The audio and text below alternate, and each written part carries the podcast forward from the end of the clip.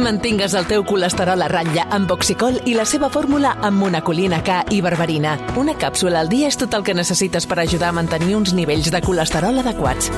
Oxicol, perquè cada batec compta. I recorda, troba-la a la teva farmàcia. Havia de ser de Kern Pharma.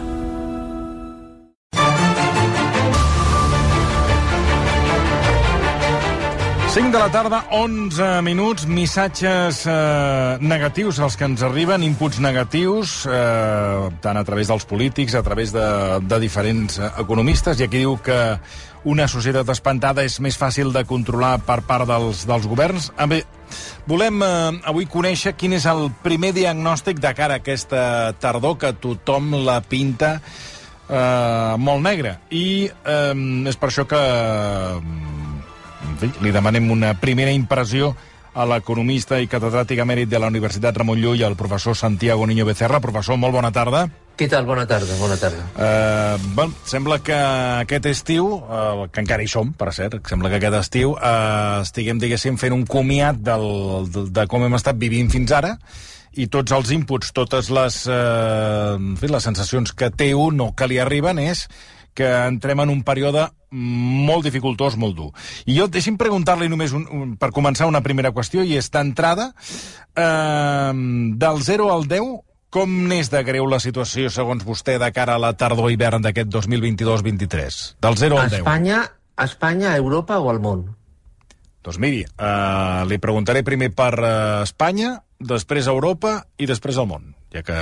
Doncs miri, Espanya jo crec que està en un 8 mm, eh, a Europa amb un 7 i al món comptant tot el món, eh? I que aquí estaria mm. pues, amb un 8 i mig o un 9. Um, és una qüestió, és un problema de, de, de, de que hem d'entrar en recessió, o sigui, de que, de que entrarem, entrarem en recessió, de... A on, a on està, on radica el, el, el kit de la qüestió per haver entrat en aquesta, en aquesta espiral que tothom apunta que serà tan negativa. La paraula que tenim és que durant tot aquest estiu el govern espanyol no ha parat de llançar missatges de regular les temperatures, de que no tindrem, de que tindrem, haurem de ser curosos amb, amb el gas i la benzina que gastem, etc etc etc. El, el, el kit, el rovell de l'ou, professor, quin és? Bueno, el rovell de l'ou mm, comença fa molts anys, eh, moltíssims dècades, eh, concretament a començaments del segle XIX, eh, quan es crea el capitalisme, i el capitalisme mm, parteix de dues mm, mm, variables eh, que es consideren immutables. Primer, que el preu de l'energia és molt, molt, molt, molt baix, i en segon lloc que contaminar és gratis i que evidentment mm, es pot contaminar el que es vulgui externalitzant els costos d'aquests eh, eh, subproductes. Llavors mm, el, el, el, durant aquests 200 anys eh, hem crescut moltíssim, e, evidentment uns més que altres, per descomptat, però hem crescut sobre aquestes dues bases, eh, és a dir, que l'energia era molt barata, una cosa que als anys 70 va quedar clar que ja no era així, eh, i la segona cosa de que, bueno, un contaminar també es podia contaminar el que volguessis, eh, cosa que ja als 2000, eh, amb, el, amb el canvi climàtic, etc etc que es va començar a parlar amb ell, ja es va veure que, que, que no, mm, que no era possible. Llavors, hem, hem arribat, mm, després de que va esclatar la crisi del 2007, que encara continuem amb aquesta dinàmica, que eh, el model està absolutament esgotat. Eh, I llavors s'ha de passar amb una, amb una dinàmica que ja no és per continuar creixent, sinó que almenys és, és a dir, l'objectiu ja és conservar el que tenim. Eh, cosa que inclús es veu una mica bastant complicat perquè els científics ens estan dient de que mm, no s'està frenant l'emissió de gasos efecte invernacle, amb, amb la qual mm, bueno, és a, aquesta dinàmica no? de més sequera, menys pluges, més calor, eh, més eh, evaporització, vaporització de l'aigua que està mm, als estanys, etc etc. Amb la qual, clar, si, si el nostre model de creixement eh, és molt gastador d'energia i, i, bueno, i d'aigua, recursos, etc etc. l'única via és mm, bueno, mm, fer les coses, cre créixer menys, créixer menys, molt menys, o intentar créixer menys, però clar, això significa que mm, una part de la població quedarà excluïda. Tots aquests missatges que, que anem rebent pràcticament cada dia, sigui d'autoritats espanyoles com internacionals que alerten d'aquesta recessió, per exemple, el president de la Reserva Federal dels Estats Units, Jay Powell, advertia fa tres dies que l'objectiu de rebaixar la inflació requereix provocar cert dolor a les famílies i a les empreses. També el, el Banc Central Europeu considera que caldran sacrificis, és a dir, sembla que hi ha com una, com una alerta generalitzada de compte amb el període en el que entrem. Uh, de quina manera ens afectarà? És a dir, vostè aquests sacrificis a on els veu? És a dir, de quina manera ho notarem? A banda, com ja ho estem notant aquest estiu, que tot val al doble. Vas a comprar i tot val al doble. És a dir, que la inflació, aquesta gent, hi ha gent que diu que que en fi, que no, no, no és palpable, home, sí que és palpable, perquè només, eh, per exemple, de comprar qualsevol cosa que et costaven 2-3 euros, ara tot en costen 8. Eh, la gent que comprava, en fi, que, que omple, per exemple, la seva, en fi, la seva nevera, eh, tot val al doble, no, professor? I tot apunta que seguirà aquesta dinàmica. La, la, quan el virus va esclatar i el va arribar al confinament i va començar a créixer els dèficits i les deutes públiques i, i privades també, eh, ja, ja s'ha veure que mm, la situació era, bueno, anaven cap avall. No, no penso només en Espanya, eh, penso en general. Eh, és a dir, el virus d'alguna forma va ser la clatellada, la clatellada final a un procés de, de degradació. Llavors, a partir d'aquí va començar la inflació. Mm, una inflació que no es pot aturar amb, els, eh, amb les eines tradicionals. Eh, per què? Perquè és una inflació d'oferta independentment del nivell que tingui, que tingui la demanda. No? Llavors, eh, que el senyor Powell eh, o, o, um, o el Banc Central Europeu digui que vin, venen sacrificis o dolor, etc etc. bueno, això té una certa lògica que ho diguin perquè són tècnics. De, de tota manera, abans no ho deien, eh? però, però bueno, però ara té una certa lògica que ho diguin um, perquè són tècnics. Ara, que el primer ministre belga, eh, el senyor de Cru, digui que venen entre 5 i 10 hivern, hiverns molt durs, tenint en compte que és un polític, això sí que és novetat. O que el senyor Macron digui que s'ha acabat l'era de l'abundància, això sí que és novetat, perquè són polítics. Eh, és a dir, hem arribat a un punt en el que eh, els polítics parlen sense embuts eh, i diuen les coses que, evidentment, mm, e, estan arribant. Eh, quina és la lectura? Bueno, la lectura resumint, després ho, ho ampliem, és que mm, jo penso que hi, ha, hi haurà un, ara vostè em dirà encara més, sí, encara més, una caiguda del poder adquisitiu de les persones, eh, una més gran desigualtat de, de la renta, eh, de la distribució de la renta, eh, una caiguda del model de protecció social i que mm, bueno, les persones tindran d'escollir tindran d'escollir entre què?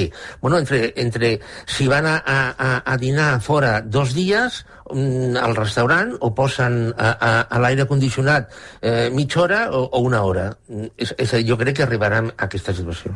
El preu de l'energia alemanya, el valor de referència per a Europa, supera els 1.000 euros que es diu aviat per primera vegada a la història amb una crisi energètica que s'intensifica al continent. Això després que divendres els preus a Alemanya i França es disparessin més d'un 25% amb les decisions de Moscou d'anar més enllà en les restriccions de subministrament de gas eh, natural. A, brand, a banda, França també pateix una caiguda de la producció dels seus reactors nuclears. Aquí, avui hi ha hagut una reacció, professor, que és la reacció de la presidenta de la Comissió Europea, Ursula von der Leyen. Marta Cailà, Marta, eh, expliquem què és el que ha dit Ursula von der Leyen, que és el que escoltàvem també al butlletí horari de les 5. Doncs, si us sembla, l'escoltem a ella mateixa, escoltem a què ha explicat en aquesta roda de premsa i després ho analitzem amb el professor. The skyrocketing electricity prices are now exposing L'augment dels preus de l'electricitat ara exposa per diferents raons les limitacions del nostre disseny del mercat elèctric. Va ser desenvolupat per a circumstàncies completament diferents i per raons completament diferents. I és per tot això que nosaltres estem treballant en una intervenció d'urgència i una reforma estructural del mercat elèctric. Necessitem un nou model de mercat elèctric que realment funcioni i ens torni l'equilibri. Potser, professor, una reacció tal com amb la dinàmica, l'espiral en la que estem, de preus que mm, poden arruïnar a, a tota Europa, potser és l'únic mecanisme per mantenir l'energia a un preu, en fi, un, un preu de subsistència. Sí, però mira, hi ha una cosa que, amb aquesta història que a mi em fa molta gràcia. A, a veure, eh, mm, s'ha dit, no, no recordo exactament qui va dir-ho, eh, però mm, s'ha dit i s'ha publicat que eh, a partir de la invasió d'Ucrània per Rússia, cada gram de gas que es comprava a Rússia estava finançant a l'exèrcit rus. Vale. I, I abans de la invasió, cada gram de gas rus que es comprava a Rússia, a qui financiava? E, és a dir, agafem Alemanya com a exemple. Alema, en Ale, a Alemanya, fins al 24 de, de, de febrer, tothom eh, trobava normalíssim que el 40% del gas que consumia Alemanya vingués de Rússia. Tothom ho considerava normalíssim. Bueno, I durant anys i anys i anys eh, s'ha agafat aquest model perquè, bueno, evidentment, eh, el gas més barat que podien portar mmm, no només a Alemanya, Alemanya, Àustria, eh, Bulgària, Hongria, mm, en fi, una sèrie de països, Polònia. el més barat de, de lluny era el gas rus. I, I ara de cop no. El, el problema és que el que no es pot fer és canviar d'avui per demà. D'avui per demà vol dir un mes, un any o, o cinc anys. D'avui per demà aquest, eh, aquesta entrada de, de, de gas que era barat. Llavors, què significa això? Això significa, primer, buscar formes alternatives d'energia, renovables, etc etc, però a la vegada de gas. Un gas que vindrà d'Estats Units o d'Orient Mitjà, que serà molt més car. Eh, aquí hi ha part del dolor i dels sacrificis. És a dir, el gas a Europa li costarà més car. Clar, això comporta que et, et vegis arrossegat a la inflació, perquè no és el mateix amb segons quin preu fer, eh, que li diria, una barra de pa, que eh, amb preus que, eh, doncs el que dèiem, ara mateix la, la compra a futur del, del gas és a 1.000 euros, no? Per tant, això suposa que l'increment continuarà. És a dir, aquesta inflació continuarà disparada mentre el preu de l'energia estigui a aquests nivells. El, el, el Fons Monetari Internacional, mm, en els darrers estudis que, o informes que ha publicat, parla que la inflació continuarà mm, almenys tot, tot l'any 2023. És a dir, això ja eh, està admès. Una altra cosa és que els polítics ho diguin, això. Però, bueno, que, que tot l'any 2023... No parlo d'Espanya, eh, només. Durant tot l'any 2023. És que, clar, és que s'ha de substituir una font d'energia barata, o relativament barata, per altres fonts que sortiran molt, molt més cares. Llavors, l'única forma... Bueno, hi han dos vies per mitigar això, aquesta, aquesta, aquesta problemàtica. Una és incrementar la productivitat en l'ús del gas. Per exemple, amb el petroli es va aconseguir després dels anys 70. La productivitat eh, obtinguda amb una tona de petroli és avui, si no recordo malament, com cinc vegades més elevada que dels anys 70. Amb el gas també s'ha de fer, però no es pot fer d'avui per demà. Això per una banda. I en segon lloc, hi ha una altra via que és prioritzar e, e, és, és a dir, no sé, m'ho invento, eh? E, és a dir, els, els quiròfans han de tenir energia, evidentment, han de tenir energia. I, i les discoteques, pues, mm, bueno, pues no, no, no és tan important. Bueno, pues les discoteques que tinguin menys, que, que obrin menys hores. El que passa és que, clar, això té un cost polític i, i, la, i la única via per arribar a aquesta situació són pactes, pactes tipus mm, pactos de la Moncloa. No vull dir que tingui de ser el mateix, eh? És a dir, però pactar, pactar a nivell espanyol, pactar a nivell europeu, i, i això no evitarà, evidentment, que l'energia durant una sèrie d'anys continuï cara, evidentment, cara. Jo, jo només una dada per recordar, que perquè a vegades ens oblidem. A l'any 2000, em sembla que va ser l'any 2016, en el pic de, de l'estiu, eh, eh, el, a més va coincidir evidentment amb una època de vent, etc etc. Eh, Espanya va produir el 43% de la seva energia amb fonts renovables.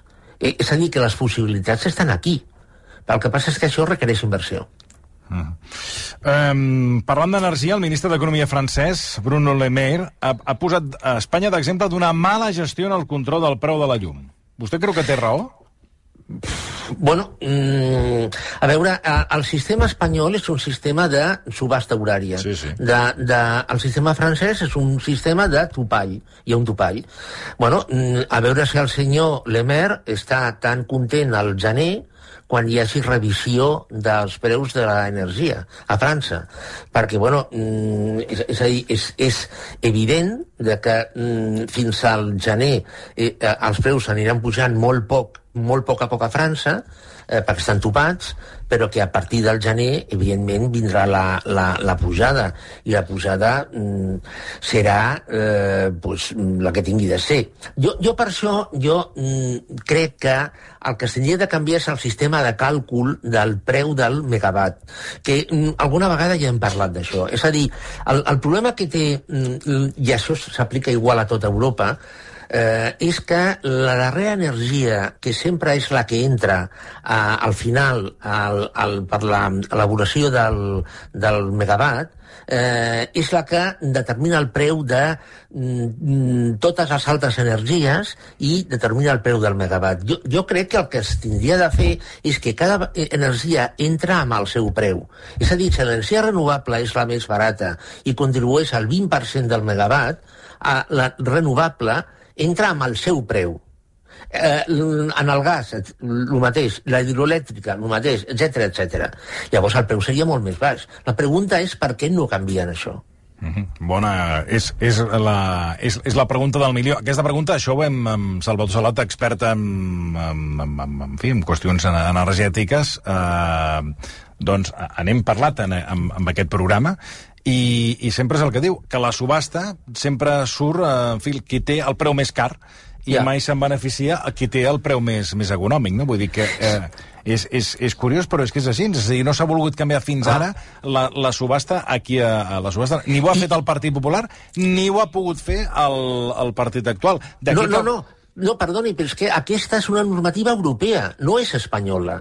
No, no, no és que aquí les científiques espanyoles siguin unes, unes pirates. No, no, és que això, aquí és a tota Europa, aquesta normativa. Però per això von der Leyen avui ha dit que s'ha de canviar... Eh, bueno. el, el, clar, avui von der Leyen ha parlat de, de canviar el, el sistema... Oja, eh, ojalà. Ha, ha, ha parlat d'una reforma eh, urgent, concretament, de, de la subhasta bueno. energètica. Clar, sí, bueno, sí, pues, que... ojalà, Ojalà. Una altra, una altra pregunta que ningú ha contestat és per què fins al, al juliol del 2019, el 2019 o 2020, ara no estic segur, el preu màxim del megawatt per llei eh, a tota Europa era 500 euros i, i, i, i a partir d'aquell moment va ser de 3.000. Per què?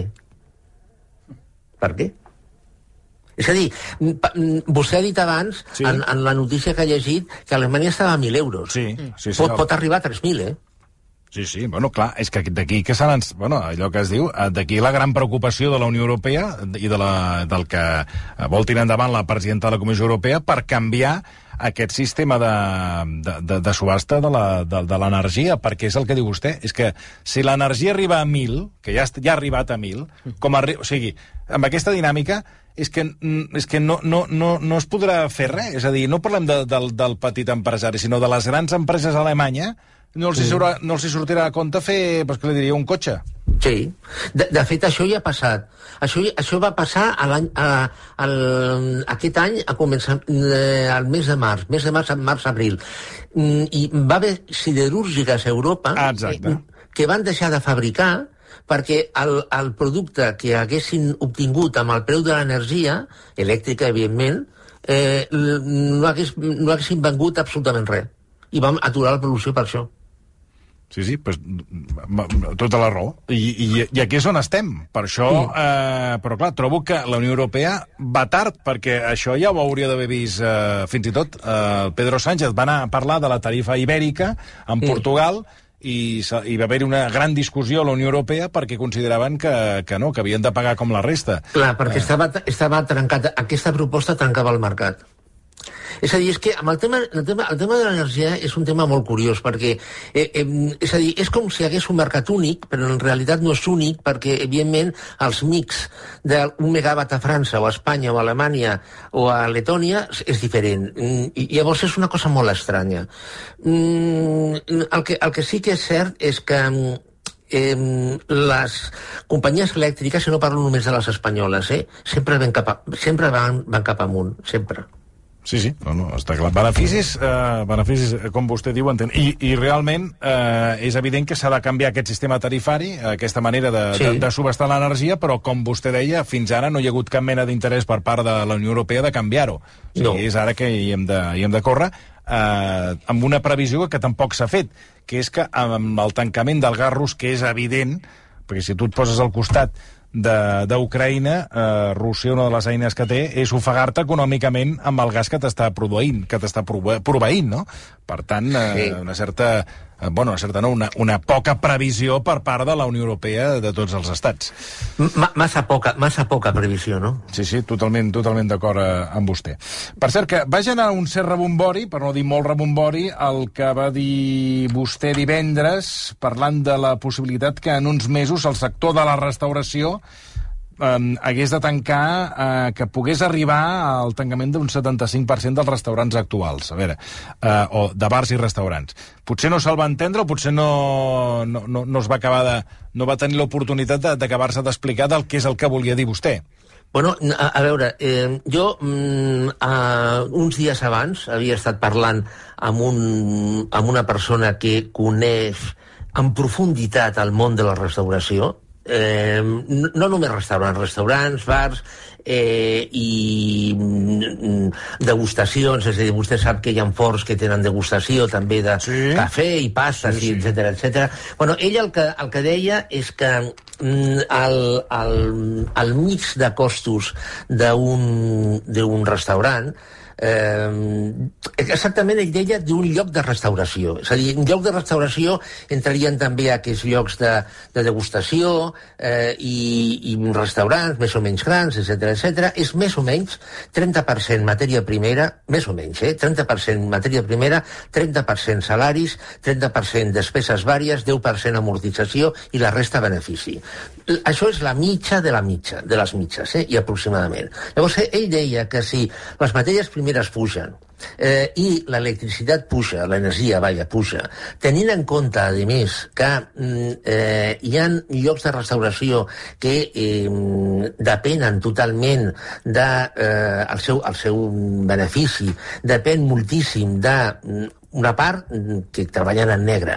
Eh, i en segon lloc que hi ha una part que mm, treballen amb, enrerint mm, pagaments eh, si la demanda baixa per una qüestió de rentes, d'atur, de subocupació i continuen pujant els costos, pura i simplement no podran mm, subsistir. Ah, sí, sí. Eh, I que, eh, en, en la seva opinió, eh, en, en un pic, en un teòric pic, es podia arribar a un tancament del 75%. De forma tal que només quedessin, és, és a dir, les grans cadenes, evidentment un McDonald's, etc etc. Aquesta, aquesta gent tancarien si eh, local, si no els si surt rentable, però evidentment McDonald's mai farà fallida, eh, eh, els, els restaurants premium d'altíssim nivell i el low cost. De fet, de fet, avui em sembla que és a l'economista, em sembla, eh, que és a l'economista, sobre un article eh, parlant de que la gran inversió estrangera, està, de fons d'inversió, està molt interessada, molt interessada en la restauració de eh, low cost, és a dir, el fast food. Està molt interessada.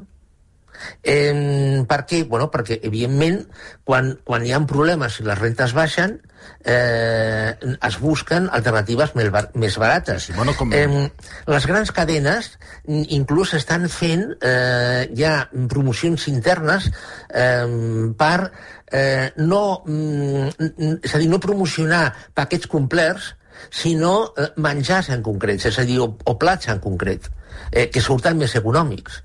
És a dir, que evidentment en el món de la restauració que es, es, mm, eh, és a dir, es mou o es barreixen moltíssimes coses, eh, el tema de la posició personal davant d'una situació es considera Bueno, el, el, el que vostè exposa, a veure, és el que venim parlant, no? És a dir, si els costos cada cop són més cars, eh, depèn dels ingressos que tens, doncs és evident quants, eh, quants bars i quants eh, restaurants hem vist tancar. Vull dir, veure, al voltant de, de casa nostra, jo n'he vist un grapat, per tant, són, són, són, són insostenibles. Eh, més coses. La creació d'ocupació s'ha frenat, eh, augmenta l'atur i els afiliats cauen en un mes de juliol per primera vegada en 21 anys. És, és un altre símptoma d'aquest refredament de l'economia, és a dir, que, que, que, estem entrant en aquesta, en, en, aquest, bueno, en aquesta crisi tan anunciada? Bueno, sí, evidentment. A, a, aquesta, aquesta és una història típicament espanyola, eh? és a dir, a França no ha passat això, o, o a Alemanya no ha passat. És a dir, el, el problema que té Espanya és que mm, mm la, el, pràcticament el 25% del producte interior brut és la suma de turisme, hostaleria, restauració, eh, oci transport.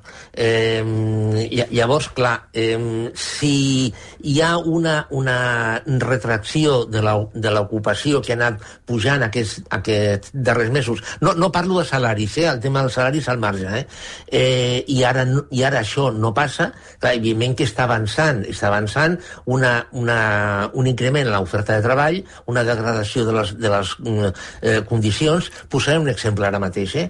eh I, evidentment, una, una, una, està avançant una situació complicada a la tardor. Em comentava, em comentava una persona eh, que té una, una botiga d'alimentació, uh mhm. -huh. eh, ahir concretament, que eh, bueno, ell periòdicament mm, busca gent perquè és a dir, hi ha molt de moviment, sobretot jovent, entra, surten, entra, surten, no?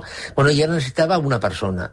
Bueno, pues, eh, al, al, a l'abril eh, va posar un, una sèrie d'anuncis, va rebre 20 currículums, eh, bueno, 20 sol·licituds, i ara, eh, fa una setmana, va fer el mateix i va rebre 55. A, això què significa? Això significa que la demanda de treball eh, ha baixat, la mm, ha augmentat i, evidentment, mm, eh, hi, ha, hi ha persones que bueno, no, no s'ocuparan. Això demostra que l'ocupació hagi caigut, eh, l'afiliació també, i, clar, mm, les expectatives quan el turisme ja marxi definitivament no són massa bones. Mm. Um, una altra qüestió que crida l'atenció eh, és que, eh, malgrat l'augment, la, malgrat aquesta inflació que tenim desbocada, del, pràcticament del 10%, els combustibles comencen, donen la sensació que marquen una sí. certa tendència a la baixa. Mm, sí. Ho hem d'atribuir a una disminució del consum o a què ho hem d'atribuir, aquesta, aquesta baixada mínima del, del preu dels combustibles? Sí. A veure, això, això és una cosa que és, és, és um, una, no complexa, però és una mica rara. A veure, la, la benzina que, que vostè posa al cotxe, al sí. cotxe quan va a la benzinera, mm -hmm. és una benzina que es va comprar via futurs fa mm, tres mesos, aproximadament, uns tres mesos. Eh, Eh, llavors, eh, el preu és el que és en funció d'aquell preu que es va pagar en el seu moment per aquella benzina. Vale. Llavors, eh, si la benzina està baixant ara, no, no és que hagi baixat molt, eh, però bueno, si la benzina sí. està baixant, eh, o el petroli està baixant, és perquè els mercats estan mm, eh, preveient que la demanda de eh, petroli i derivats eh, a la tardor, és a dir, ara estem al tardor avançada, no? és a dir, cap al octubre-novembre baixarà. I, I llavors ja s'està avançant el mercat de futurs és un mercat molt, molt estrany. Eh, ja està avançant aquesta caiguda de la demanda i els preus estan baixant, perquè l'oferta no, no s'ha incrementat, o pràcticament no s'ha incrementat. És a dir, és un tema de la demanda. Com s'espera menys demanda, ja els preus estan baixant, eh, avançant-se eh, a aquesta caiguda de la demanda que, que vindrà més, més endavant. No, no és que sigui molt que hagi baixat, eh? No, no, no, ha estat, ja he dit, una, és, un, és una certa il·lusió, però no, quan, quan passa la benzinera doncs... Com a mínim sí. dius alguna Veus que no està baixa. a dos euros, dius, home, ah. dius, això... No sé, et vols fer la... I depèn a quina benzinera vas. Si vas a una de low cost, com abans vostè feia referència a productes mm. low cost, doncs encara t'il·lusiona o tens una certa, una certa esperança. Uh, bé, a tot això uh, cal, insumar, cal sumar-hi aquesta incertesa que es pugui garantir el subministrament d'aliments bàsics, que tampoc ara mateix sí. uh, doncs es parla de fins, a, fins i tot de fam en alguns països, uh, que um, veurem en el mercat de futurs a quan ens arriba aquest mercat de futurs, a quan haurem de pagar la farina, és a dir, que la situació realment és, és molt complexa. I després hi ha una, una altra qüestió, professor, que és l'augment dels tipus d'interès, que uh, hi ha una llau, avui ho, ho, reflexa, ho reflexa alguns diaris, una llau de gent que mm, canvia les hipoteques que les passa de variables a fixes. Uh, uh, uh, és a dir, ens podem tornar a trobar en una situació similar al 2008, professor? Bueno, de, de fet, eh, el, el, avui, concretament, és que, és que és molt curiós perquè ara em sembla, em sembla que és el confidencial, eh, no estic segur, eh? eh parla de... Bueno, fa una anàlisi de que el mercat immobiliari eh, està entrant en, un, bueno, en una aturada, en un procés d'aturada, eh, i que mm, serà generalitzat i hi ha una dada molt important. Els fons d'inversió, sí? que estaven molt ficats en centres comercials, s'estan retirant d'aquesta inversió. Serà, serà una aturada eh, no, no, no en bomba, és a dir, no, no de cop, però que afectarà o està afectant ja a vivenda, mm, eh, oficines i eh, centres comercials. Què és el que està passant? A, a veure, aquí, aquí hi ha dos temes mm, que estan lligats, però que són una mica diferents, que són els tipus d'interès, per una banda, i en segon lloc les possibilitats de, de, de pagament. Eh, els tipus d'interès mm, estan pujant per mm, frenar la inflació. Jo penso que és un error, perquè abans ho comentaven, aquesta inflació mm, és una inflació d'oferta i no es frena eh, pujant els tipus d'interès, a no ser que es faci com el va fer l'any 81 el senyor Paul Walker de la Reserva Federal, que va pujar els tipus d'interès al 20%. Avui no crec que ningú estigui d'acord, eh, ningú, vull dir, ning, cap president de cap banc central. Sí, perdoni, vostè, vostè m'està dient que creu que l'augment de tipus d'interès diners no és una bona recepta. No, no, jo crec que no. Eh, és a dir, si s'ha de frenar el consum, jo crec que seria més lògic fren, eh, augmentar impostos indirectes és a dir, impostos sobre el consum. Eh, però no, no pujar els tipus d'interès, que eh, això el que està fent és mm, problematitzar la financiació de les empreses i també, i també de les famílies. Eh, home, el que no és lògic és que els tipus d'interès siguin negatius. Això, això evidentment, no, no, és que és, és antinatural, no? Però, és a dir, mm, una, una petita correcció perquè els tipus d'interès siguin positius, sí, però no pujar els tipus d'interès com estan pujant perquè, mm, perquè mm, és a dir, jo crec que no seran eh, suficients per pujar la inflació eh, i el que estan fent és eh, problematitzar la, la, la financiació.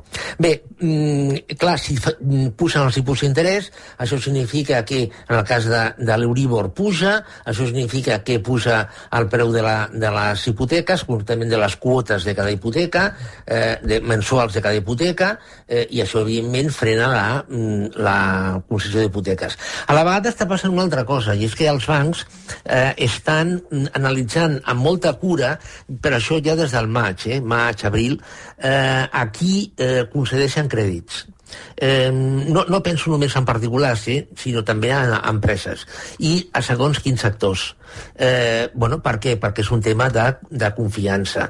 I la tercera cosa, si mm, s'espera una davallada eh, a partir de mm, tardor, hivern, que jo, bueno, de, de fet, jo, jo, si recordes, vam estar parlant de l'últim verano, no? És a dir, eh, eh, i, i passa això, evidentment, la renta baixarà eh, i les capacitats de pagament de noves hipoteques, eh, és a dir, mm, baixaran, amb la qual clar, la, el sector immobiliari pot entrar en una situació problemàtica. Una, una situació semblant al 2008, no és dir, jo crec que una explosió com va haver el 2008 no, no passarà mm, per una raó, perquè el dos, eh, entre el 2002 i el 2007 es van concedir hipoteques a, a, a mansalva, és a dir, a doixo, sense mirar absolutament res, sense considerar cap, cap cosa. És a dir, entraves en un banc, deies bon dia i sorties amb una hipoteca. És a dir, això no passarà, o no està passant, vaja.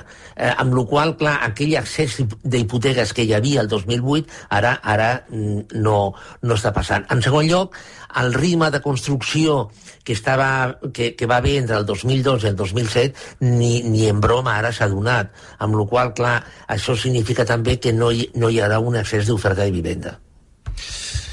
Professor, eh, bé, no ens queda temps, però eh, abans m'agradaria comentar una curiositat del dia, i és que, tot i que hem parlat de macroeconomia, del que ens ve a sobre, eh, a vegades llegim notícies que, que sembla que hi ha gent que visqui en un món a part, com per exemple el que s'ha pagat per un cromo de béisbol que ha batut el sí. rècord que tenia fins ara una samarreta de Maradona. Algú ha comprat el cromo per 12,6 milions de dòlars. Per tant, sí. professor, potser que van deixant davant, deixem davant del el totxo i comprem cromos.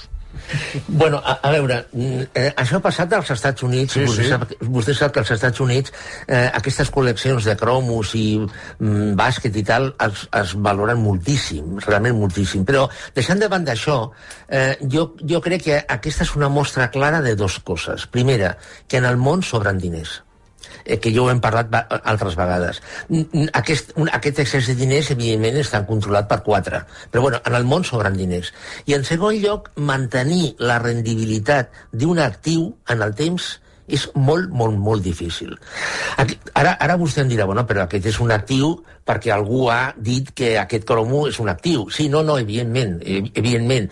Però mentre hi hagi gent que consideri que eh, eh, aquests cromos són un valor, tenen un valor intrínsec i negociable, evidentment el seu valor es mantindrà.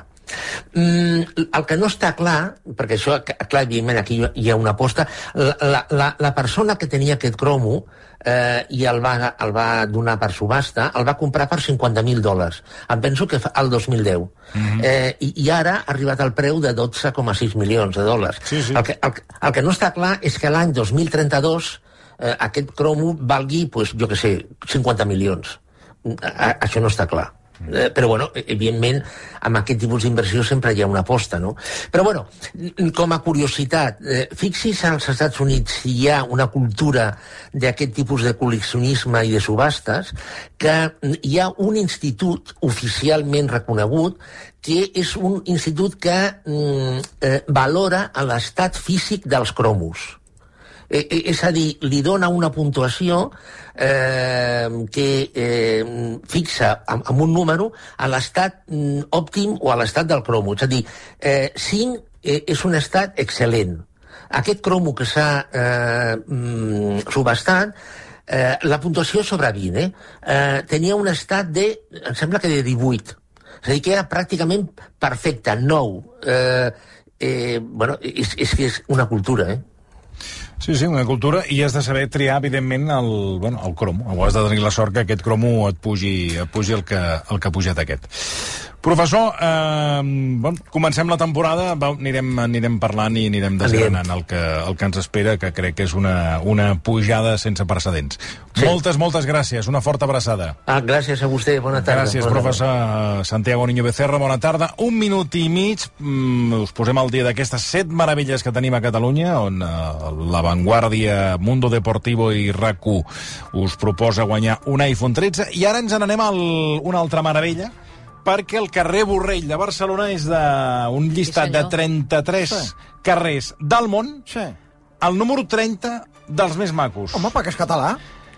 De 33 carrers del món, mm. el 30 d'aquesta llista, d'aquell llistat, és el carrer Borrell. Home. Ara hi anem perquè ens espera el Guillem Estadella.